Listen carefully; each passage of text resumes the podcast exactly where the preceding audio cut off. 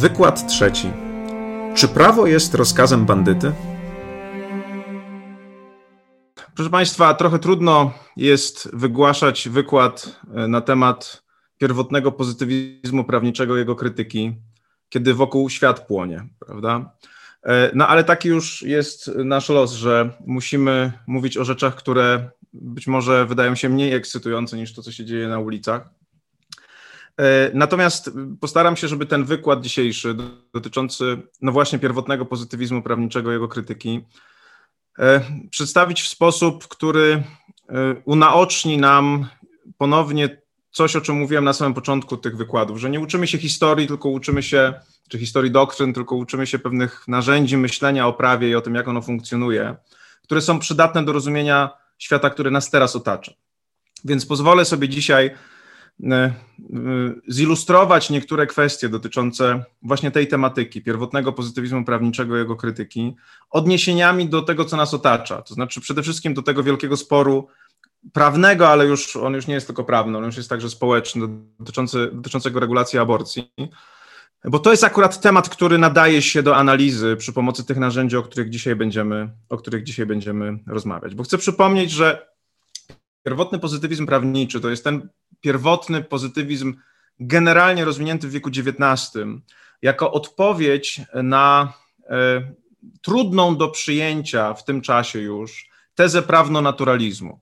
No, teza prawno-naturalizmu, jak pamiętacie, opiera się na tym, że istnieje jakiś wzorzec dla prawa wydawanego przez ludzi, taki wzorzec, do którego to prawo wydawane przez ludzi musi dorównać, bo jeżeli nie dorównuje temu wzorcowi, no to wtedy przestaje być prawem. To jest jakby podstawowa teza prawno-naturalizmu, że prawo ludzkie nie jest mierzone miarą człowieka, tylko jakąś inną miarą.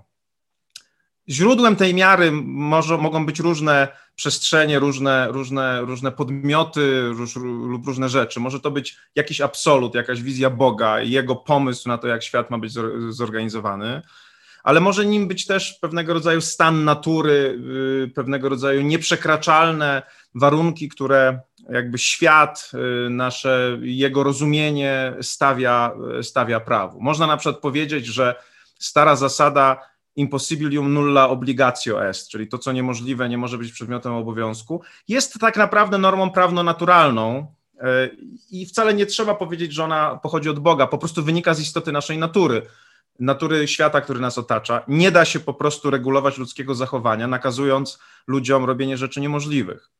Bardzo dobrze to Fuller ilustruje w swoim, swojej opowieści o królu Reksie wewnętrznej moralności prawa, kiedy właśnie wyobraża sobie takiego naiwnego, nowego króla, który chce zniszczyć całe prawo dotychczasowe i ustanowić je od nowa. No i y, w pewnym momencie omawia sytuację, w której Rex nakazuje ludziom, ażeby nie kichali, albo żeby stawili się przed jego obliczem na wezwanie, gdziekolwiek są w ciągu y, jakiegoś bardzo krótkiego czasu, powiedzmy minuty. No, y, Fuller oczywiście wymyśla takie dziwne przykłady, żeby pokazać, że są takie rzeczy, których po prostu zrobić się nie da i one nie mogą być przedmiotem obowiązku.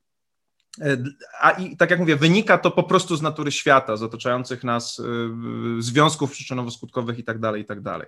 Więc prawno-naturalizm występ, jest taką tezą, że istnieje jakiś wzorzec, do którego prawo ludzkie musi równać.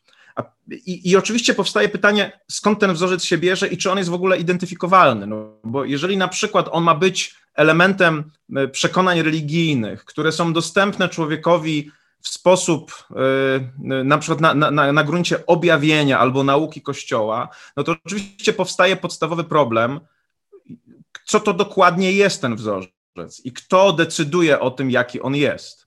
Tak? I, i, I tu już w pewnym sensie, można powiedzieć, pokazuje nam się pierwszy problem, z którym się spotykamy dzisiaj. Jeżeli y, rozpatruje się w ogóle zgodność ustawy uchwalonej przez człowieka, prawda, czyli ustawy antyaborcyjnej, z czymś, tak, no to trzeba sobie zadać pytanie, co to, czym to coś jest, z czym my w ogóle badamy zgodność. Czy to jest inny wytwór człowieka? Inny wytwór człowieka? No, ktoś powie tak, konstytucja jest innym wytworem człowieka. Ustawa jest wytworem człowieka, konstytucja jest wytworem człowieka. Czy też tym czymś, z czym się porównuje ustawę aborcyjną jako przykład prawa ludzkiego, jest coś innego, nie wytwór człowieka, tylko właśnie jakiś element prawno-naturalny. I wszystko wskazuje na to, że jednym z elementów tego sporu, który się wokół nas toczy, jest spór, który właśnie według tej linii przebiega. To znaczy, jeżeli byście posłuchali dokładnie tego, co mówił pan Justyn Piskorski, który był sprawozdawcą w tym, w tym orzeczeniu aborcyjnym, a później tego, co mówił pan sędzia Kieres, to widzielibyście tam dwa podejścia, tak sądzę. Znaczy, wydaje się, że podejście, y, które zaprezentował mm, pan Justyn Piskorski, to było podejście, które szukało wzorca dla oceny, czy ustawa aborcyjna jest zgodna z tym wzorcem, ale szukało tego wzorca niekoniecznie w samej konstytucji, jak, rozumianej jako wytwór człowieka. Y, u sędziego Kieresa było widać dosyć duże staranie, żeby oddzielić te dwie kwestie. Sędzia Kieres zaczął swoje zdanie odrębne które zresztą jest, uważam, jednym z najwybitniejszych w historii tego Trybunału wywodów prawniczych i jeżeli będziecie mieli czas, to zachęcam was do tego, żeby tego posłuchać. Więc sędzia Kieres mówi tak, moje osobiste przekonanie dotyczące aborcji jest takie, i tutaj omawia to, że jest jej przeciwny, że uważa, że ona jest złem. Natomiast, i to jest bardzo ważne oddzielenie, konstytucja mówi to.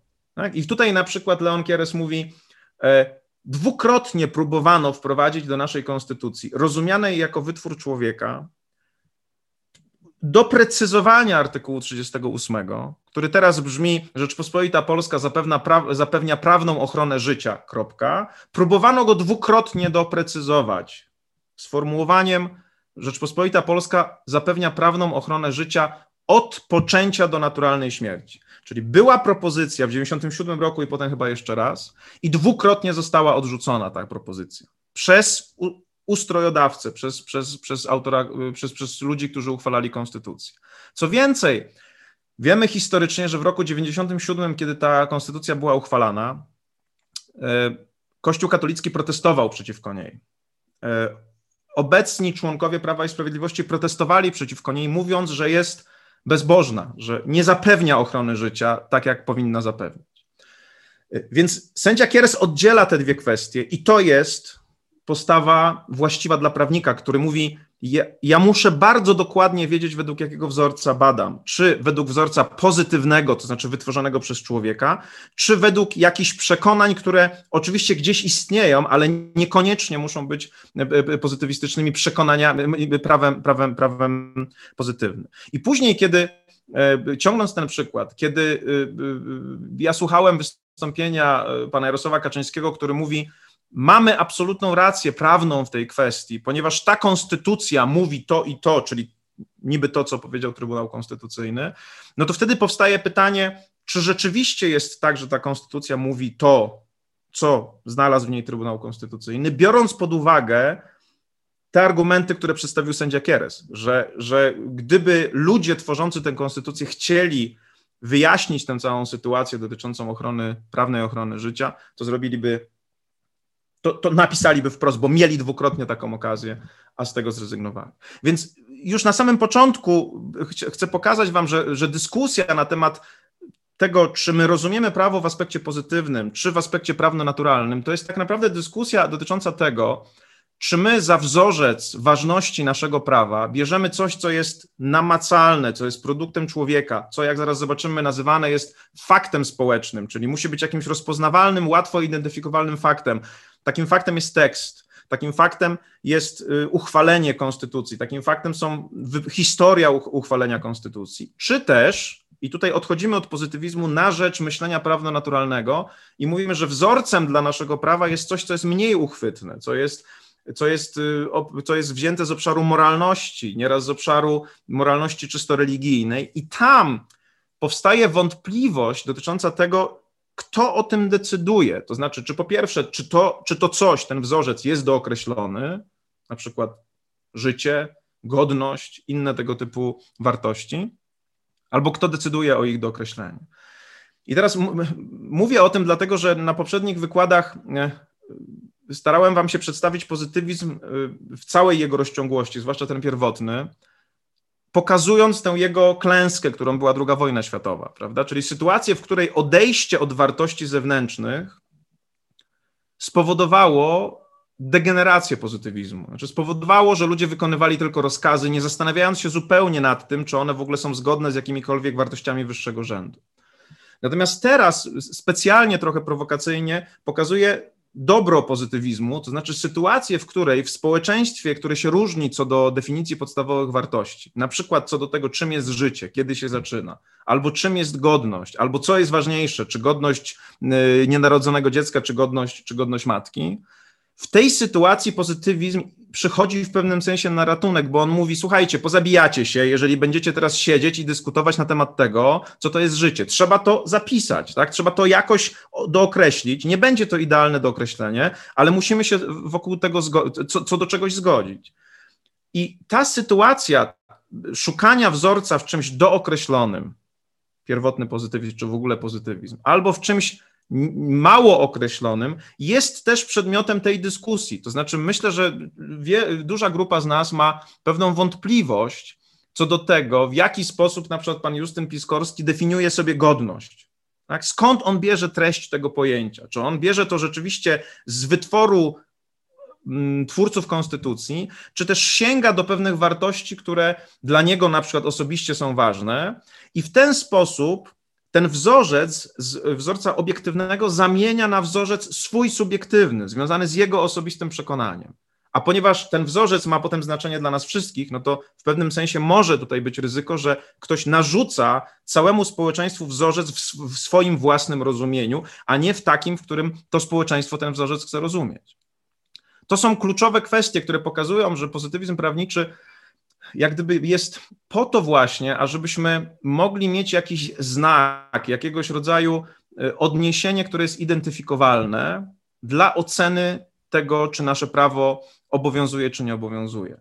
E, I nie ma, tak jak my tutaj, dobrego, dobrego wyjścia. Wydaje się, że, że, że generalnie jest chyba tak, że w sytuacjach normalnego życia społeczeństw, kiedy konflikt nie sięga, nie jest wyeskalowany, ustalenie pozytywistyczne pewnych wartości, opisanie ich w konstytucjach jest wystarczające. Kiedy natomiast y, świat zostaje poddany jakiemuś właśnie pożarowi, tak jak to było w czasie II wojny światowej, nazizm, y, wcześniej kryzys ekonomiczny, y, nagle okazuje się, że, że ten pozytywizm jakby zaczyna, zaczyna mu brakować jakiejś miary, jakiegoś rodzaju ograniczenia, no i dzieją się rzeczy straszne. Nie wydaje mi się, żebyśmy my byli teraz w sytuacji wojny, albo takiego tumultu, czy takiego, takiego, takiego zagrożenia, z jakim, z jakim mieliśmy do czynienia w latach 30. czy 40., mimo że w narracji e, zewnętrznej trochę się mówi o tym, że jest wojna i, i, i nie, nie ma wojny, jest, jest, jest ostry spór ideologiczny spór o wartości, ale to jeszcze nie jest wojna. To, nie, to, to jeszcze nie jest wojna. Jest bardzo mocny spór. E, nieraz jest też tak właśnie, że, że publicznie chce się wywołać poczucie, że, jest, że wartości są strasznie zagrożone, że trzeba ich bronić, właśnie po to, żeby trochę uciec od zdefiniowanych wartości w prawie na rzecz takich wartości, które są mało zdefiniowane, które są mało zdefiniowane. No, no, no właśnie, i, i wtedy jest szansa na to, żeby żeby przez te wartości y, wepchnąć pewne, pewne, pewne swoje y, osobiste preferencje. Mnie się wydaje, że to, co się dzieje wokół nas, można zdefiniować. Y, zobaczcie, jest taka sytuacja. Macie większość, która została wybrana demokratycznie, macie Trybunał Konstytucyjny, co do którego reprezentatywności oczywiście mamy wątpliwości, to jest jasne. I te dwie, te, te dwa podmioty coś mówią na temat aborcji, a nagle się okazuje, że 75% społeczeństwa myśli zupełnie inaczej, prawda? No to znaczy, że coś tutaj poszło nie tak. To znaczy, że transmisja jakby wartości z narodu, z suwerena do tych, którzy mają je jakby zapisać w prawie albo w prawie odnajdywać, się nie udała w jakiś, w jakiś sposób. Po prostu się nie udała. To znaczy, że gdzieś mechanizm nie zadziałał. Jednym z mechanizmów, który, jednym z powodów, dla których mechanizm nie zadziałał, może być to, że zamiast rzeczywiście dokonać transmisji tych wartości e, tak, jak one miały być zrobione, czyli z konstytucji do ustaw, i później przy ocenie ich także zapewnić taką transmisję z konstytucji do ustaw, ktoś powiedział: e, Nie, moim celem nie jest transmisja, moim celem jest zinterpretowanie tych wartości na mój własny sposób.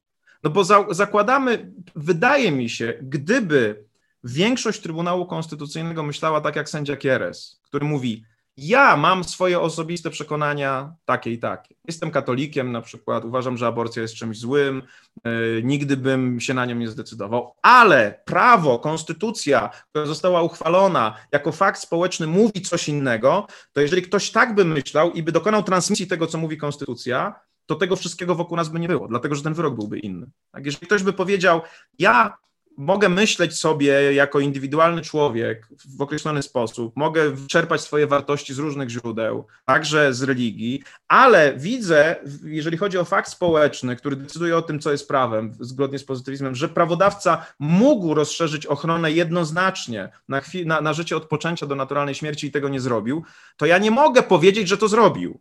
Tak, nie mogę powiedzieć, że to zrobił, bo wtedy ja nie, nie mówię prawodawcą i faktem społecznym, który się gdzieś zdarzył namacalnym, tylko mówię swoimi przekonaniami.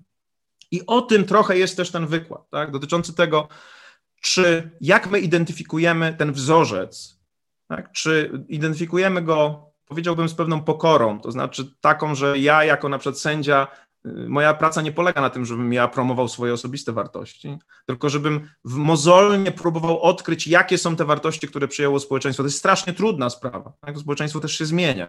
I oczywiście to nie może być tak, że sędzia mówi, a pal licho konstytucję, zróbmy badanie opinii y, publicznej i w zależności od tego, co ludzie myślą, to ja tak rozstrzygnę. To też nie o to chodzi. Tak? To też nie o to chodzi. E, tu chodzi o to, żeby odkryć, jaka był, jakie były te fakty społeczne, które spowodowały produkcję pewnego rodzaju prawa i się na nich, i się na nich oprzeć. Więc dzisiaj mówimy o tym pierwotnym pozytywizmie. Wprowadzenie mamy już za sobą i przypominam, że ten pozytywizm prawniczy, on zakłada, że to człowiek jest źródłem prawa i punktem wyjścia dla jego analizy. Nie absolut, nie Bóg, nie moralność, nie, nie, nie religia. To oczywiście nie oznacza, że pozytywizm jest amoralny czy niemoralny. Tak? Tu chodzi o to, że jak zaraz zobaczymy, my próbujemy dookreślić wzorzec wartości, na przykład opisując go w Konstytucji, wzorzec miary dla naszego prawa, w taki sposób, żeby on był identyfikowalny. Czyli próbujemy go wyrazić zrozumiałym dla wszystkich językiem, y, komunikujemy go w sposób taki, który jest rozpoznawalny, czyli y, wpisujemy go w do ogólnie dostępnym akcie prawnym, publikujemy ten akt, dajemy wszystkim go do przeczytania w taki sposób, żeby on zaczął odgrywać pewną rolę koordynacji naszych działań.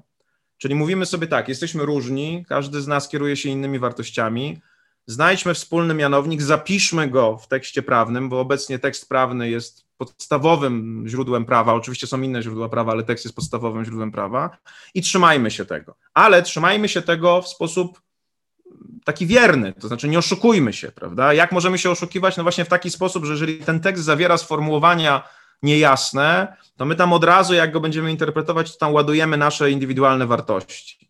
Albo mimo, że wiemy, że ten tekst trzeba czytać całościowo, czyli trzeba na przykład konstytucję interpretować w taki sposób, żeby dać, żeby dać wyraz zarówno e, kwestii godności dziecka, jak i godności matki, to my się na przykład skupiamy tylko na godności dziecka. Albo kiedy myślimy o kwestiach proporcjonalności działania, to myślimy, to, to, to nie zastanawiamy się nad tym, czy jedynym, jedyną rzeczą, którą państwo może zrobić na przykład w przypadku aborcji jest kara, jest sankcja. Tak?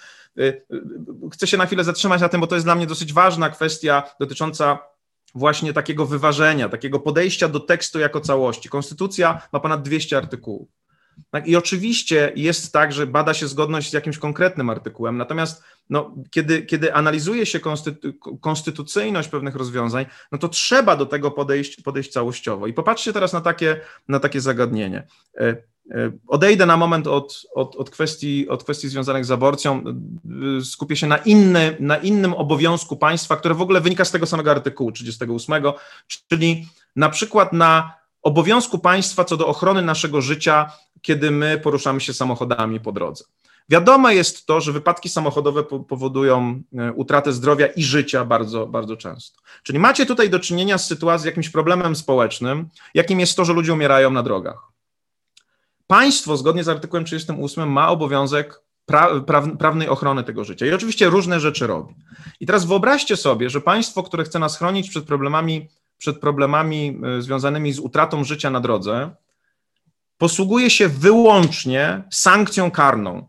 Wyłącznie sankcją karną jako, jako, źródłem, jako źródłem ochrony. Czyli jak to wygląda? Na przykład mamy jakiś nieszczęśliwy długi weekend, w czasie którego ginie dużo ludzi na drogach, i w poniedziałek wychodzi jakiś minister i mówi: Proszę Państwa, dzieje się strasznie, e, ludzie giną na drogach, musimy coś z tym zrobić. W związku z tym zwiększamy karę Y, za spowodowanie wypadku ze skutkiem śmiertelnym. Dziękuję Państwu. no myślę, że mamy poczucie, że to, że, że to nie o to chodzi, tak? No bo w pewnym sensie można powiedzieć, że jeżeli ktoś zwiększa karę, to trochę się nawet godzi, że ci ludzie dalej będą ginąć. Tyle tylko, że ten, który spowoduje tę śmierć, no po prostu będzie dłużej siedział. Oczywiście będzie jakaś prewencja też, natomiast myślę, że w tej sytuacji powiedzielibyśmy, panie ministrze, no ale tu chyba trzeba zrobić coś więcej, prawda? Na przykład zastanowić się, gdzie ci ludzie giną. Na przykład, jeżeli giną na przejściach dla pieszych, no to nie wiem, może na przykład trzeba lepiej oświetlić te przejścia dla pieszych. Tak? Może okazuje się, że są jakieś czarne punkty, gdzie droga jest źle wyprofilowana, może trzeba po prostu tam zrobić jakąś, nie wiem, przeróbkę, jakieś ograniczenia prędkości, może trzeba, y, nie wiem, jakieś progi zwalniające zamontować. Może trzeba zwiększyć działanie edukacyjne, żeby ludzie wiedzieli, że prędkość zabija. No, całą masę różnych rzeczy można zrobić, oprócz za, z, zwiększenia zagrożenia karnego.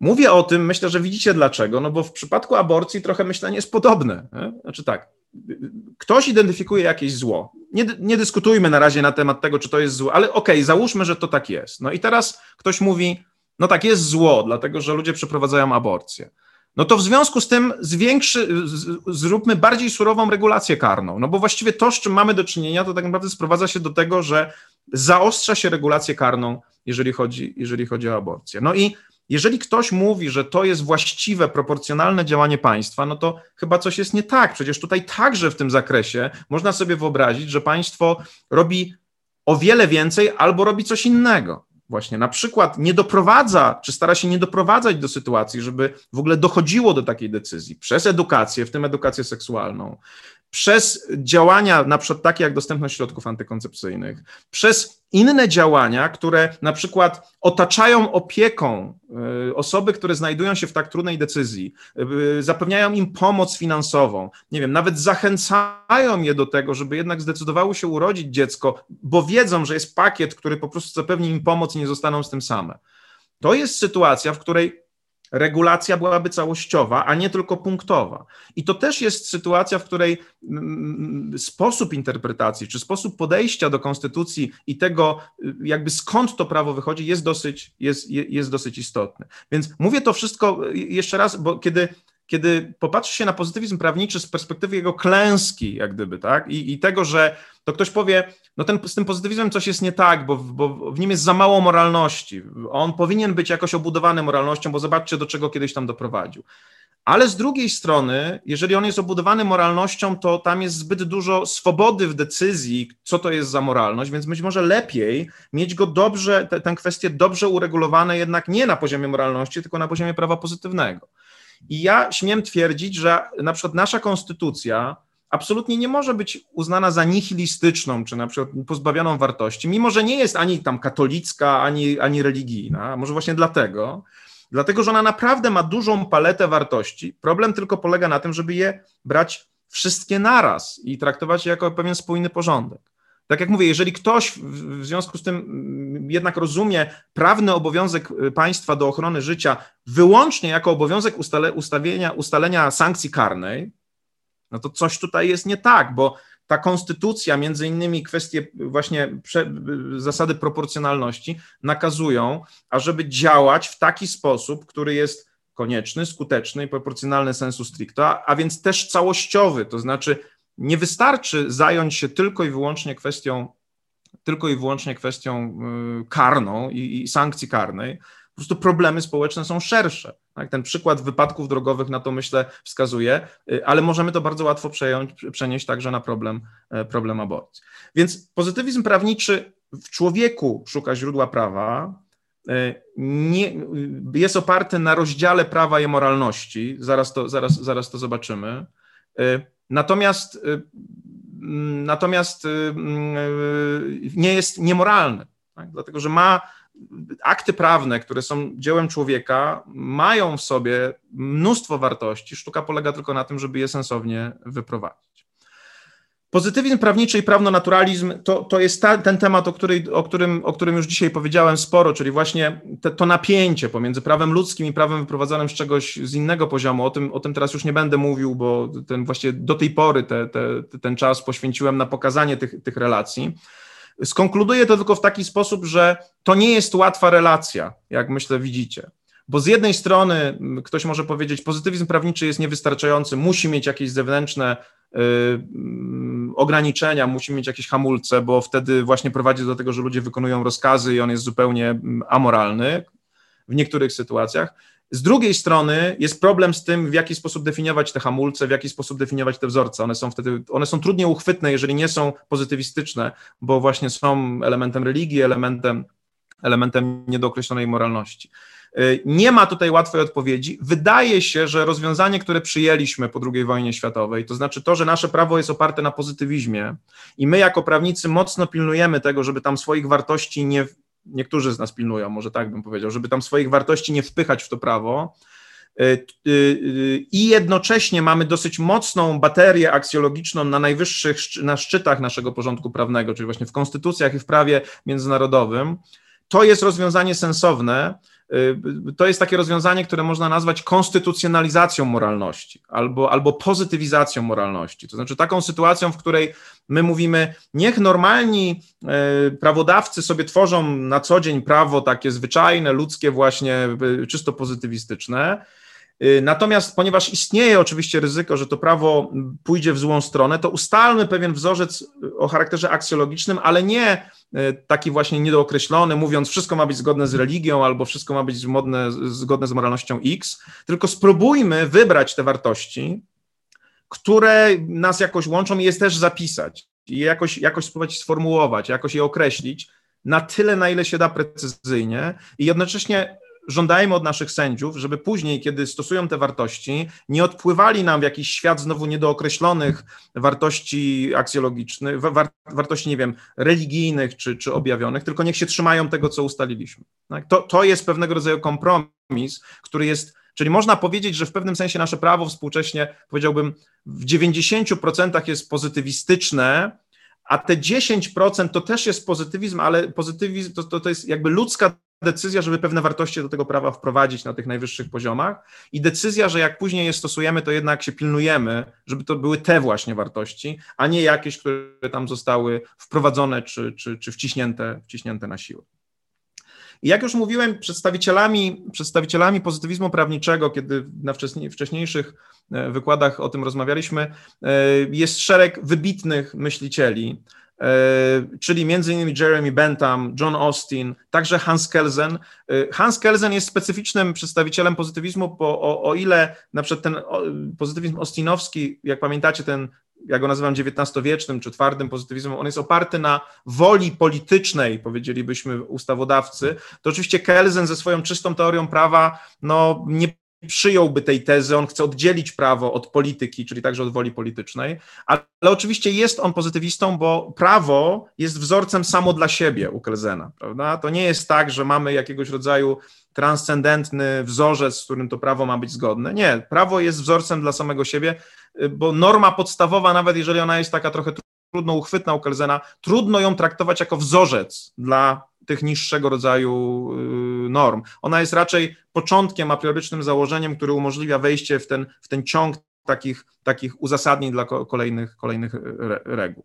Dzisiaj my się skupimy głównie na Johnie Austinie, na zrozumieniu jeszcze tego, co on tak naprawdę chce nam powiedzieć w tym swoim przekonaniu o tym, o tym twardym pozytywizmie, w którym wola suwerena jest źródłem prawa. I omówimy krytykę, którą prowadzi Herbert Hart pod adresem Johna Austina, czyli, czyli taką krytykę, w której Hart pokazuje, dlaczego wizja prawa w ramach twardego pozytywizmu jest nie do przyjęcia, dlaczego ona jest błędna. Niektórzy mówią, że to jest jedna z najbardziej dewastujących krytyk, jaka kiedykolwiek miała miejsce w filozofii prawa, a może filozofii e, w ogóle, więc będziecie mogli na tej podstawie to, na tej podstawie to, e, to ocenić. Więc spójrzmy na razie na tego Austina. John Austin żył w latach 1790-1859 i jak widzicie, to jest ten czas, który następuje po istotnych zmianach w, w Europie, czyli między innymi po rewolucji francuskiej, która oczywiście swoje idee roz, rozlewa po świecie, także zmiany w Stanach Zjednoczonych i rewolucja amerykańska są efektem tego.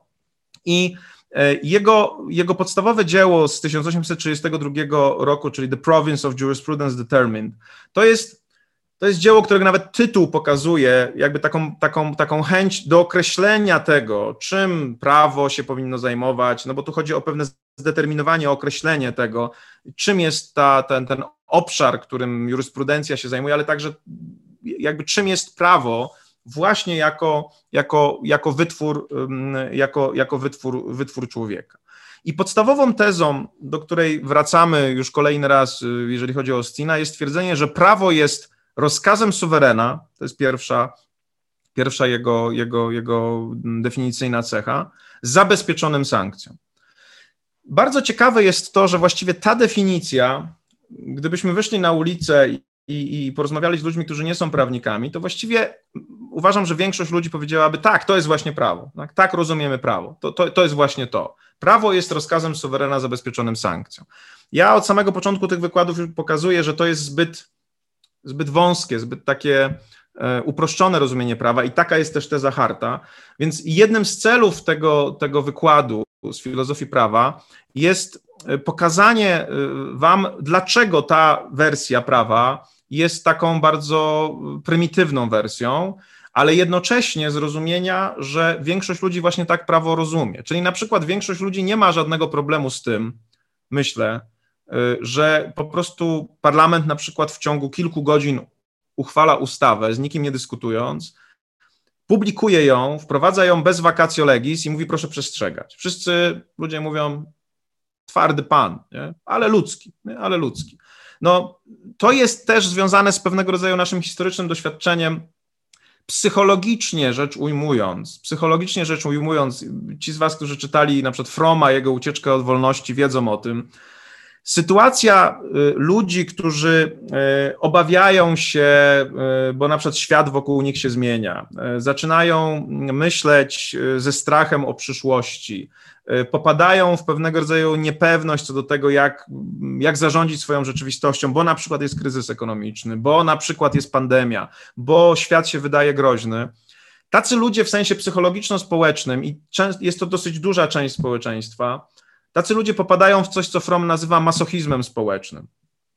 Masochizm jest nam znany raczej z innych obszarów, ale, ale Fromm mówi, że masochizm ma, ma w sobie jedną cechę, zarówno w sferze seksualnej, powiedzmy, jak i w sferze, w sferze społecznej. Mianowicie jest on potrzebą, takim poczuciem, że jeżeli ja y, y, zatopię się w czymś większym ode mnie, jeżeli ja poddam się czemuś większemu ode mnie i zniknie moja indywidualność, bo będę kierowany decyzjami kogoś innego, to wtedy osiągnę spokój, bo nie będę musiał samodzielnie podejmować decyzji. Tak, Fromm mówi, że bycie jednostką, bycie podejmowanie swoich własnych decyzji i decydowanie o tym, co robić, jest strasznie trudne, jest strasznie odpowiedzialne.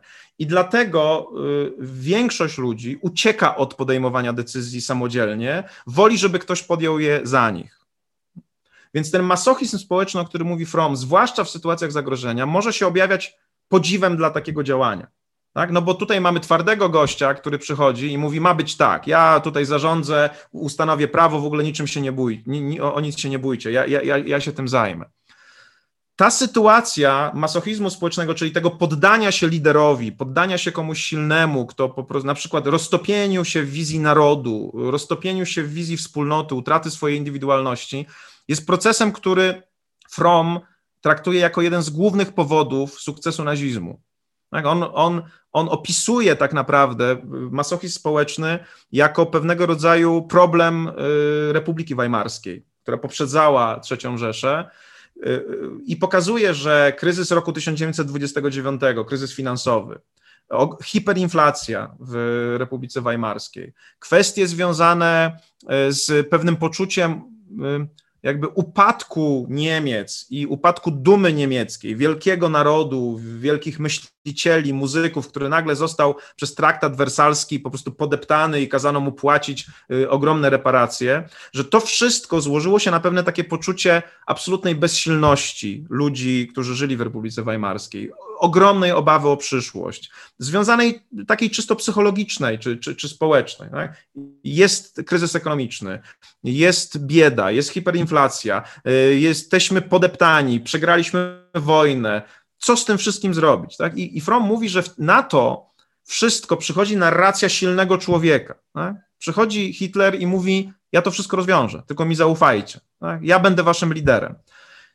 I tu zaczyna się kreować sytuacja, w której ludzie mówią: tak, bądź naszym liderem, poprowadź nas, bo my jesteśmy bezbronni, my nie wiemy, jak sobie z tym poradzić. I to jest masochizm społeczny. I dlatego właśnie, między innymi, oczywiście była cała masa innych elementów, ale Fromm to pięknie opisuje, pokazując, że istniały bardzo mocne, głębokie podstawy psychologiczne, spo, psychologiczno-społeczne dla rozwoju nazizmu w tej konkretnej sytuacji.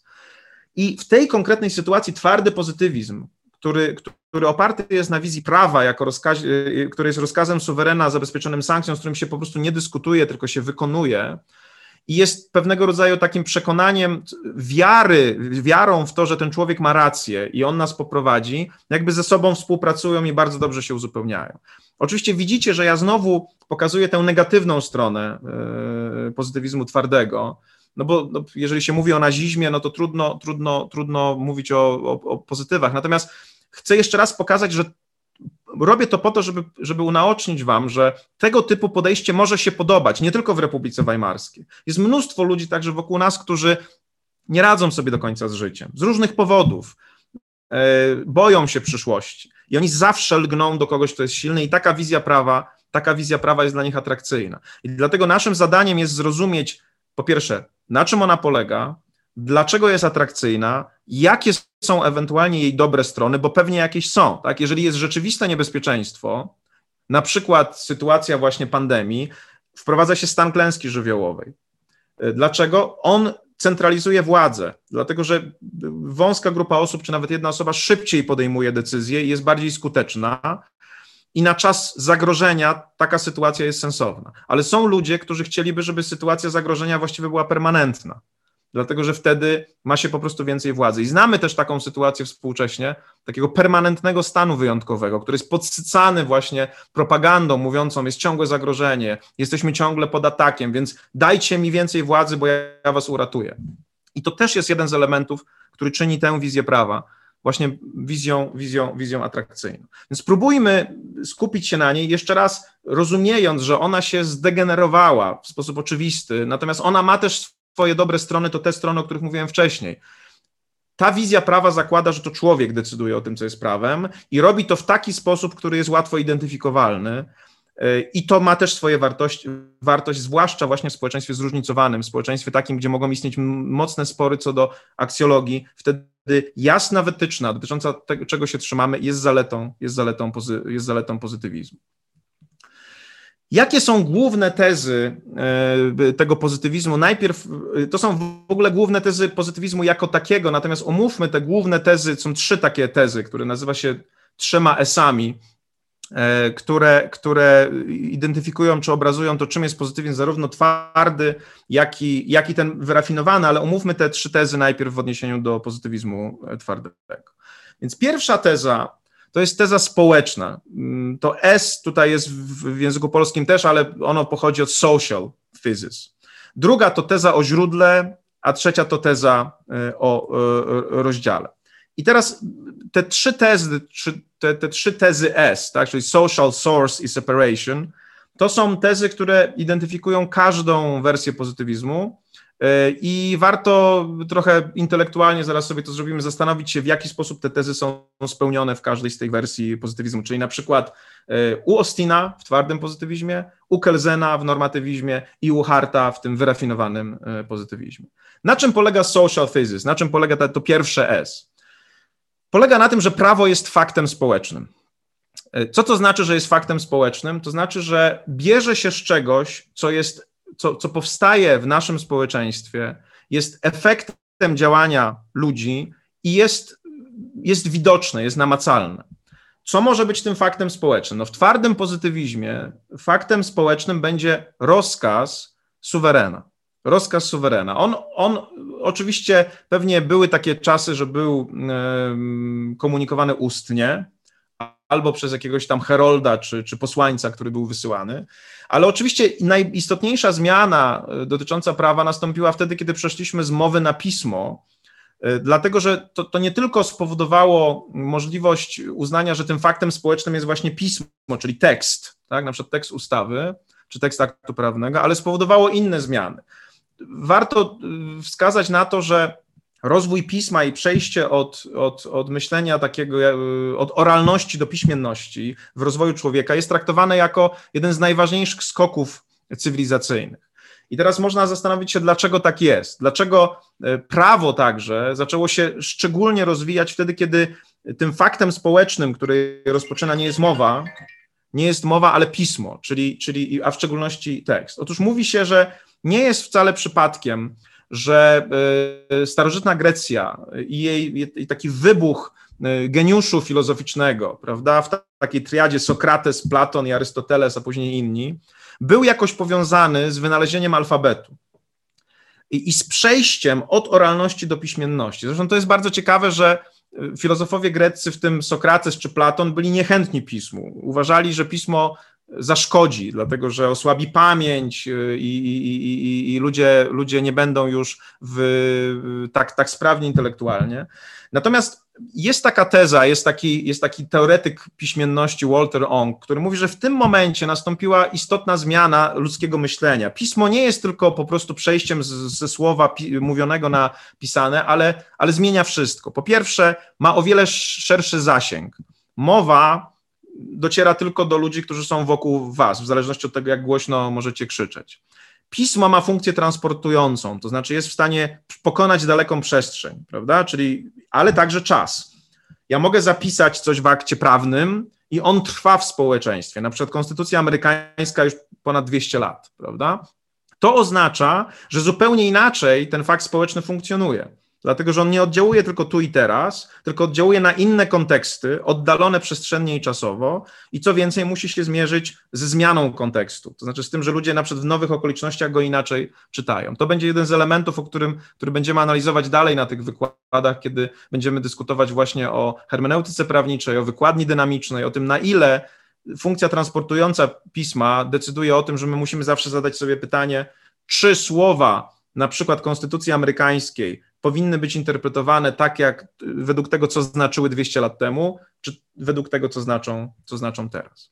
Pismo ma jeszcze jedną funkcję, mianowicie yy, yy, mowa ma to do siebie, że jest ją trudno analizować. Znaczy, słuchacie oczywiście tego, co ja teraz mówię, yy, natomiast trudno byłoby wam, gdybyśmy na przykład nie nagrywali tego, czyli nie, u, nie utrwalali tego, tego, tego wykładu, na przykład wykazać mi sprzeczność, nawet jeżeli ona istnieje pewnie istnieje, no bo bardzo trudno jest w momencie mojego 78 zdania powiedzieć, ale zaraz, zaraz, proszę pana, w zdaniu trzecim, pamiętam, pan mówił coś zupełnie innego. Po prostu pamięć ludzka nie jest tak precyzyjnie przygotowana do tego, żeby porównywać zdania ze sobą, po prostu tylko po ich usłyszeniu. Ale w piśmie możecie to oczywiście zrobić. Tak? Bo możecie spokojnie cofnąć się do zdania drugiego, przeczytać, jak ono brzmiało i zestawić je ze zdaniem 78 i stwierdzić, że to jest sprzeczność. Więc Pismo ma też taką funkcję, że pozwala budować bardzo złożony dyskurs. I dlatego tekst prawny jest tak złożony i my jako prawnicy musimy te teksty ze sobą wspólnie, tak często współstosować, na przykład ustawę z konstytucją, y, y, prawo krajowe z prawem ponadnarodowym i tak dalej, i tak dalej. To w ogóle zmienia całą, całą sytuację, dlatego że to oznacza, że jakby jest to o wiele silniejsze narzędzie, które mimo, że jest dalej faktem społecznym, jest o wiele silniejszym narzędziem, które może regulować, regulować rzeczywistość. I wreszcie trzecia rzecz, okazuje się, że myślenie piśmienne, bo tak się mówi, jest myślenie oralne i myślenie piśmienne, y, jest o wiele bardziej analityczne. Być może właśnie z tego powodu, że pozwala wracać i analizować pewne, pewne rzeczy. Były takie badania bardzo ciekawe kiedyś y, w Kazachstanie chyba prowadzone, gdzie udało się znaleźć y, grupę ludzi, jakieś tam plemię chyba w, w górach, które było częściowo piśmienne, częściowo niepiśmienne. I przedstawiano i badano jakby sposób myślenia tych ludzi, i okazało, okazywało się, że ludzie, którzy nie umieją pisać, myślą bardziej konkretnie, a ludzie, którzy umieją pisać, myślą bardziej abstrakcyjnie. Na przykład robiono takie ćwiczenie, pokazywano ludziom y, niepiśmiennym narysowany na kartce papieru y, okrąg i mówiono, co to jest. No i ten człowiek mówił talerz albo księżyc prawda? Natomiast kiedy pokazywano to osobie, która umiała pisać, to ona mówiła, no to jest koło albo okrąg, prawda? Czyli to jest bardzo złożone zagadnienie, nie mamy czasu o nim dzisiaj rozmawiać, ale ono pokazuje, że przejście ze słowa na pismo zmienia także sposób myślenia, stajemy się bardziej analityczni. Są też tacy ludzie jak Dukaj, którzy mówią, że teraz w ogóle wracamy do słowa od pisma, odchodzimy, już nikt nie czyta długich tekstów, zwłaszcza bardziej się skupiamy na kwestiach związanych z konkretem. E, jeżeli popatrzycie na przykład na współczesną komunikację opartą na emotikonach, na przykład, nie wiem, na Instagramie, właściwie za chwilę nie będzie komunikacji słownej. Znaczy, jak ktoś coś pisze, to to wiadomo, że to jest jakiś, jakiś starszy człowiek, prawda? Jest zdjęcie, czyli obraz, bezpośredni kontakt z tym, co tam jest, a później serduszka, rączki, prawda, bicepsy i inne tego typu elementy. Y, są tacy, którzy mówią, że teraz przechodzimy znowu w fazę y, myślenia oralnego i zaczynamy myśleć coraz bardziej konkretnie o rzeczywistości.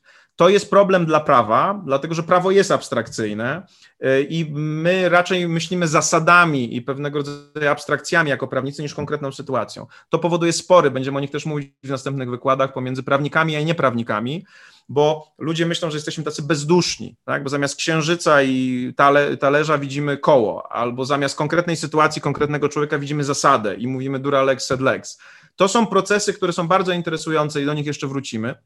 Mówię o nich tutaj, dlatego że tym faktem społecznym, którym jest prawo, jest właśnie pismo, jest tekst obecnie głównie. Oczywiście w systemie common law to, jest, to, to, są, to są na przykład wcześniejsze orzeczenia w, w, w, zakresie prawa precedensowego, no ale przecież one też są dostępne w formie pisma, prawda? Analizuje się ich uzasadnienia e, i to, co tam sąd, sąd powiedział. E, ponieważ jest to pismo, no to dlatego właśnie nasza praca interpretacyjna polega na właściwym jego rozumieniu, no bo jeżeli prawo jest faktem społecznym, zachowaniem społecznym, identyfikowalnym, dostępnym w formie pisma, no to my jesteśmy po to właśnie, żeby odtworzyć to prawo z tego pisma. Dlatego wrażliwość językowa, umiejętność czytania i wierność tekstowi, wierność tekstowi jest, jest, jest ważną rzeczą. Znowu wracam do tego przykładu, od którego zacząłem. Takim faktem społecznym było uchwalenie konstytucji dla, dla naszego systemu prawa. I teraz, jeżeli ja jestem, chcę być pozytywistą i chcę y, zachowywać się jak pozytywista, no to ja muszę spojrzeć w ten tekst, na przykład artykułu 38, i muszę spojrzeć także w fakty społeczne, które otaczały wytworzenie artykułu 38. I o tym mówił sędzia Kieres, bo on mówi tak: zobaczcie, jest jakiś tekst, jest jakieś zdanie, Rzeczpospolita Polska zapewnia prawną ochronę życia. Kropka. Jeżeli ja chcę wiedzieć, czym jest prawo wynikające z tego przepisu, to ja muszę je potraktować jako fakt społeczny, czyli pewną wypowiedź, którą ja muszę zrozumieć. Mogę dyskutować, oczywiście, taka dyskusja w Stanach Zjednoczonych się toczy, czy ja mam go rozumieć według momentu uchwalenia, czy według momentu interpretacji. Oryginalizm mówi, że według momentu uchwalenia, yy, żyjący yy, czy żywy konstytucjonalizm mówi, że według momentu interpretacji. Wrócimy do tego, ale nie o tym chcę powiedzieć. Ale sędzia Kieres mówi, Dodatkowo ja jeszcze muszę spojrzeć na inne fakty społeczne, na zachowanie się prawodawcy konstytucyjnego, który miał możliwość uzupełnienia tego przepisu o sformułowanie od chwili poczęcia do naturalnej śmierci, a tego nie zrobił to też jest fakt społeczny. Tak? To też jest coś, co się zdarzyło, co jest kontekstem tej wypowiedzi. No i nie mogę tego pominąć. Nie mogę powiedzieć, jeżeli, y, y, zwłaszcza jeżeli myślę kategoriami twardego pozytywizmu, że wolą prawodawcy było chronienie życia w sposób oczywisty, stuprocentowy i bez wątpienia od poczęcia do naturalnej śmierci. Bo gdyby tak było, to by tak zapisał. Zwłaszcza, że miał taką okazję, bo taka poprawka została zgłoszona i została odrzucona. Tak? Więc Prawo jako fakt społeczny y, zmusza nas do tego i zobowiązuje jako prawników, żebyśmy patrzyli na konkretne zachowania, zachowania językowe, w tym przypadku także zaniechanie językowe, czyli to, że się nie uzupełniło tego przepisu, i na tej podstawie twierdzili, co jest prawem. Oczywiście można zrobić to inaczej. Można powiedzieć, nie, nie, mnie w ogóle ten fakt nie interesuje. Aha, tam jest mowa o życiu, no a życie, no to życie. No życie według mnie, tak, ja tak to czytam, albo życie według mojej religii zaczyna się w, momencie poczęcia. Może nawet tak jest. Tak? Nie dyskutujemy tego. Ale nas interesuje prawo jako fakt społeczny, a nie prawo jako złożona czynność mentalna interpretatora, do której my nie mamy dostępu, albo prawo jako zbiór przekonań y, aksjologicznych sędziego, który akurat jest na przykład katolikiem albo, y, albo, albo albo protestantem, albo rowerzystą, albo, albo jeszcze kimś innym. To w ogóle nie ma żadnego znaczenia, bo prawo jest faktem społecznym, a więc my musimy szukać tych faktów, które w odpowiedni sposób są namacalne, zdefiniowane i które możemy, możemy zinterpretować. Y, oczywiście prawno-naturalizm nie spełnia tego, tej, tej, tej tezy, no bo według prawa natury prawo rodzi się gdzieś indziej, poza społeczeństwem, prawda? Właśnie w objawieniu, w religii, w umyśle Boga i, I to jest podstawowa różnica, że my szukamy źródła prawa w społeczeństwie i to determinuje nasze dalsze, dalsze, dalsze działania i nasze dalsze, dalsze kroki. Y, teraz spójrzmy, aha, okay, na, na, na, na drugie S, czyli na tezę, na tezę o rozdziale. Separation, to drugie S, oznacza, e, że jak to się ładnie mówi, nie ma koniecznych związków walidacyjnych między prawem a moralnością. To jest oczywiście straszne sformułowanie, ale no, mm, on, ono jest bardzo precyzyjne. Po ludzku ono brzmi tyle, że moralność nie może unieważniać prawa. I teraz na pierwszym roku, na wstępie do prawoznawstwa, uczyliśmy Was tego, że między prawem a moralnością mogą istnieć co najmniej pewnie trzy rodzaje związków. Po pierwsze, może istnieć e, związek treściowy. Związek treściowy pomiędzy prawem i moralnością polega na tym, że treść normy moralnej i treść normy prawnej jest taka sama. I oczywiście e, mamy takie przypadki. Upraszczając trochę, można powiedzieć, że treść artykułu 148, e, paragraf 1 kodeksu karnego konstytuującego przestępstwo zabójstwa ma treść taką samą jak piąte przykazanie, nie zabijaj upraszczając. Tak? Czyli mamy normę moralną w dekalogu, nie zabijaj, i mamy jakąś normę w kodeksie karnym. Jedna jest ewidentnie niepozytywistyczna, bo jest normą wynikającą z Pisma Świętego, z tradycji, z religii. Druga jest faktem społecznym, bo artykuł 148 był przez kogoś zapisany, uchwalony i opublikowany, ale ich treść jest taka sama, powiedzmy. E, związki treściowe mogą istnieć między moralnością i prawem, i one nie mają nic wspólnego z tezą o separacji. Y, drugim rodzajem związków są związki funkcjonalne. To znaczy, jest tak, że oczywiście my prawo y, uchwalamy nie dla zabawy, ale ze względu na jakieś wartości. Prawda? Na przykład widzimy, że ludzie giną na drogach, no i chcemy chronić ich życie, no więc uchwalamy prawo o ruchu drogowym, uchwalamy zasady ograniczenia prędkości, zasady badania sprawności naszych samochodów, badania lekarskie kierowców i tak dalej, i tak dalej chęć ochrony życia może mieć swoje źródło moralności, ale jej przełożeniem znowu są fakty społeczne, konkretne ustawy. Ponownie ten rodzaj związków też może istnieć między prawem i moralnością w pozytywizmie. Nie ma żadnego problemu. Nie o tym jest teza o, rozdziale. Mówię o tym dlatego, że bardzo często, kiedy pada, pada pytanie, na przykład egzaminacyjne, na czym polega teza o rozdziale, e, no to ktoś odpowiada, no na tym, że prawo jest oddzielone od moralności. To nie jest dobra odpowiedź, no bo treść, treściowe związki istnieją, więc prawo nie jest od, oddzielone od moralności. Y, funkcjonalne związki istnieją, bo prawo wpływa na uchwalanie prawa, więc też w tym zakresie nie jest oddzielone. Y, natomiast jest trzeci rodzaj związków, to są związki walidacyjne. One polegają na tym, że moralność mo, u, może unieważnić prawo. No, związek walidacyjny podchodzi od słowa valid, prawda, od słowa ważny, no więc dotyczy ważności teza, tezy prawno-naturalizmu są sprzeczne z tezą o rozdziale, bo one mówią, ty sobie uchwalaj prawo swoje ludzkie, które jest faktem społecznym, ale my i tak zachowujemy sobie mm, taką, czy rezerwujemy sobie prawo, żeby je unieważnić, jeżeli ono będzie sprzeczne z jakąś moralnością. Ten przykład z ostatnich wykładów z Ewangelium Vitae, gdzie faraon ustanawia prawo ludzkie zabijać dzieci żydowskie po urodzeniu, a położne mówią, y, nie, to nie jest dla nas prawo, no jest sytuacją unieważnienia, tak? w tym sensie, że ponieważ jest ono sprzeczne z moralnością, ono nie obowiązuje. Więc to mówi teza o rozdziale. Nie ma związków walidacyjnych, moralność nie może unieważniać, moralność nie może unieważniać prawa.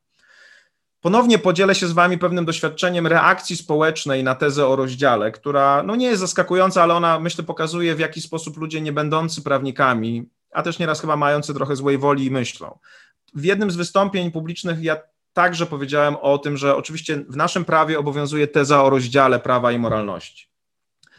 I jeden z portali, y, którego nazwy z litości nie wspomnę, y, dał taki nagłówek, że ja sugeruję, że nasze prawo, że ja sugeruję, że powinniśmy wrócić do czasów nazizmu, kiedy prawo było niemoralne. Tak? Kiedy prawo było niemoralne.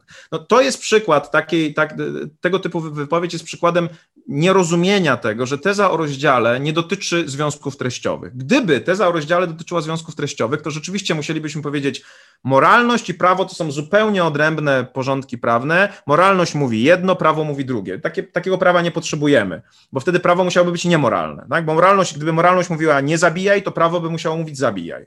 Tak? Moralność mówiłoby nie kradnij, prawo musiało być kradnij.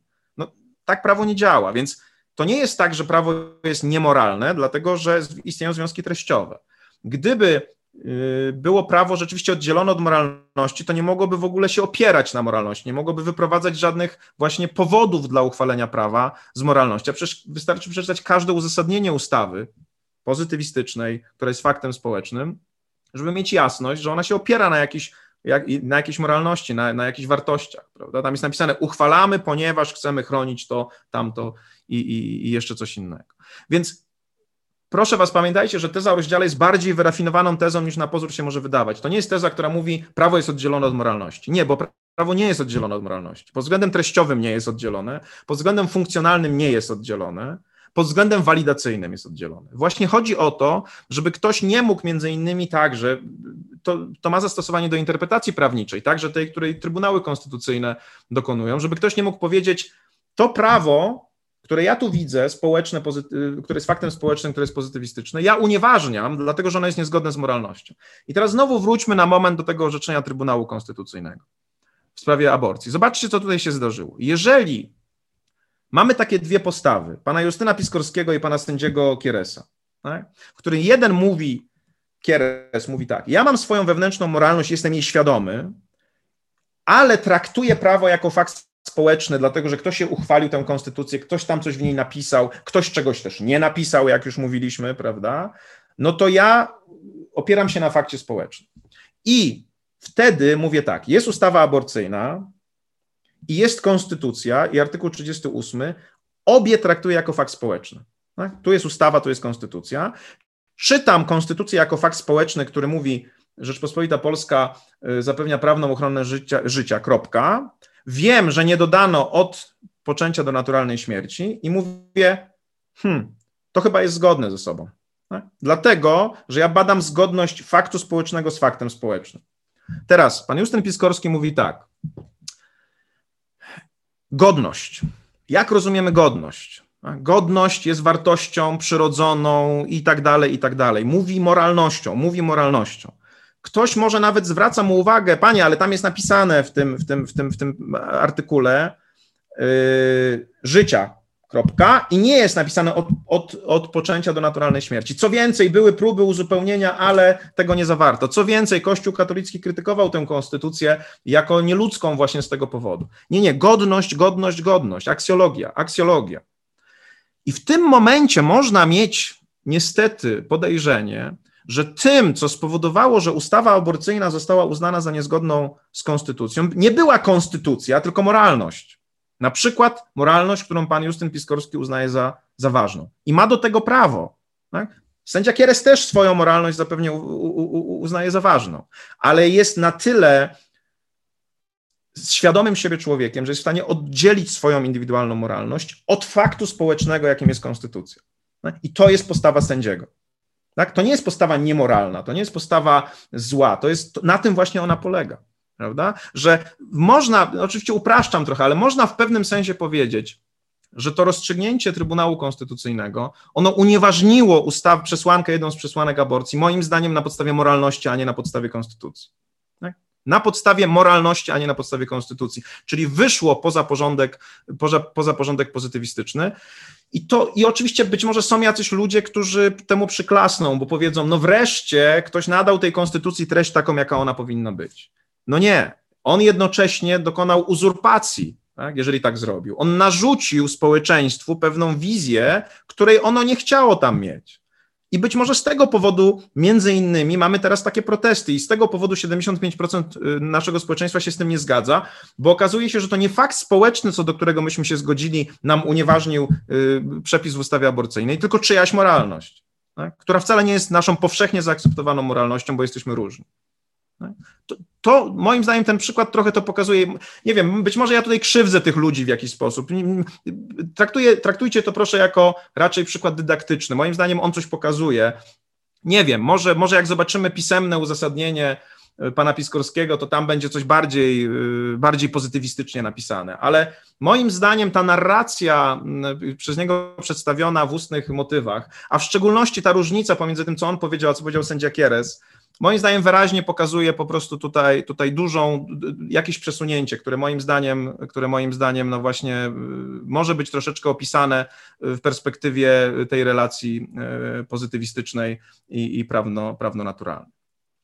I wreszcie trzecia teza, czyli source thesis, czyli teza, która mówi, że możliwe jest zidentyfikowanie źródła prawa w danym społeczeństwie. To jest teza, która trochę, jakby, która, która, którą myśmy już trochę umówili, mówiąc o tym teście pochodzenia, prawda? Wtedy, kiedy powiedzieliśmy sobie, w, w prawie dobrze jest wiedzieć, skąd się dana norma wzięła, jakie jest jej właśnie źródło. I ponownie mówiliśmy o tym, że oczywiście można sobie wyobrazić, że, że źródłem prawa jest moralność, ale wtedy mamy problem trochę z, zidentyfikowaniem tego źródła. No nawet w koncepcji świętego Tomasza, o której mówiliśmy, Tomasz mówi, prawo wieczne jest w ogóle niedostępne nam, bo jest w umyśle Boga, no więc kurczę, trochę trudno je zidentyfikować, prawda, jak jest niedostępne. Prawo naturalne jest wprawdzie naszym udziałem racjonalnych stworzeń w tym prawie wiecznym, no ale też ono nie jest tak łatwo identyfikowalne jak prawo pozytywne, prawda? Nie jest konkretnie zapisane, nie, nie wiadomo jak się do niego odwołać, poddawane jest pewnie różnym interpretacjom też, bo co y, człowiek może mimo wszystko trochę inaczej rozumieć na przykład godność, życie i tak dalej, i tak dalej.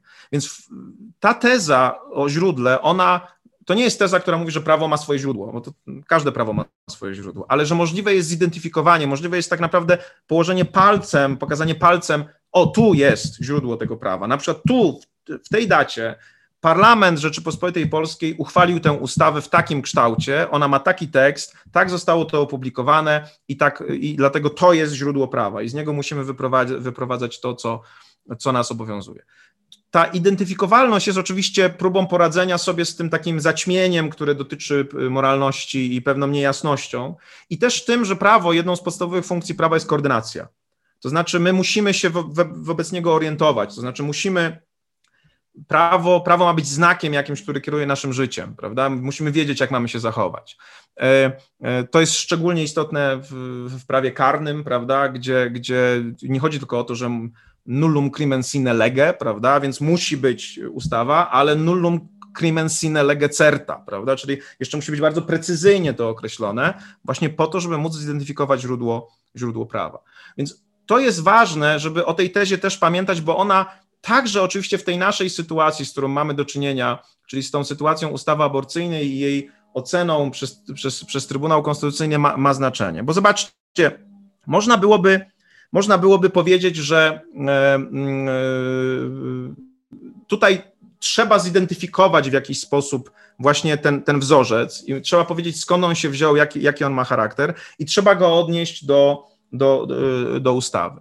I teraz, jeżeli on jest zidentyfikowany w sposób nieprecyzyjny, jeżeli właśnie nie da się go w jakiś, w jakiś taki precyzyjny sposób nazwać, to wtedy w ogóle jest trudno mówić o tym, czy on może pełnić rolę wzorca, no bo wtedy znowu jest to jest to ryzyko, że to ktoś właśnie w swojej głowie sobie ten wzorzec zidentyfikował, nie na podstawie jakiegoś konkretnego, konkretnego źródła, nie był tutaj precyzyjny w tej identyfikacji i w ten sposób dokonał jakiegoś takiego, no właśnie, zaćmienia, można powiedzieć, intelektualnego. No bo jeżeli zgadzamy się, że identyfikacja y, jest ważna, no to wtedy, e, wtedy może, musimy stwierdzić, że e, niedokonanie jej jest jakiegoś rodzaju złem prawda, jest jakiegoś rodzaju złem. To w przypadku przepisów konstytucji oczywiście jest trochę trudne, dlatego że przepisy konstytucji w sposób naturalny są napisane językiem trochę bardziej ogólnym.